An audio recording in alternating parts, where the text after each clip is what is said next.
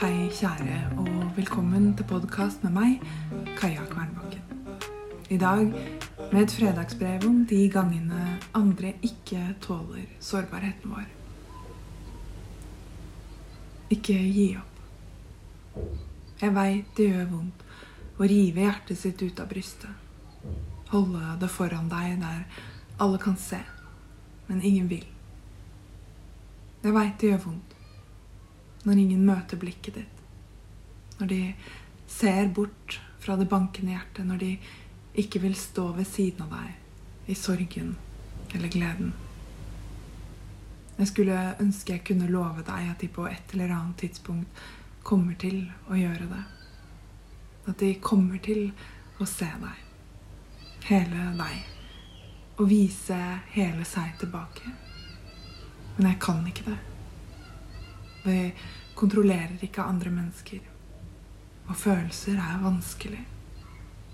Du er en av de modige få som tør å la dem slippe til. Ikke la andres mangel på mod holde deg tilbake. Ikke la det få deg til å tro at du går feil vei. Noen må gå først.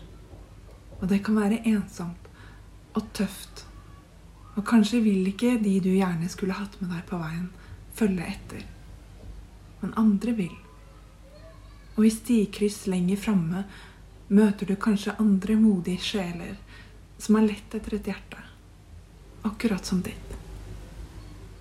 Jeg skulle ønske jeg kunne gi deg kjærligheten du lengter etter, fra de som skulle ha gitt den til deg. Men at de ikke er i stand til det, betyr ikke at du ikke er verdt kjærlighet.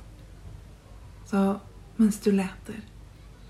Spør deg selv hvordan du vil bli møtt, sett, elsket, og gi deg selv det andre ikke kan.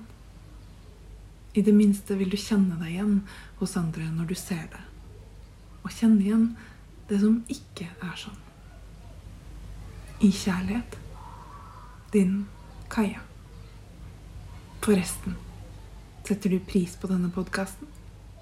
Klikk på lenken i episodebeskrivelsen for å støtte den med et lite beløp. Og del episoden med andre du tror vil sette pris på den. Det setter jeg pris på. Vi høres.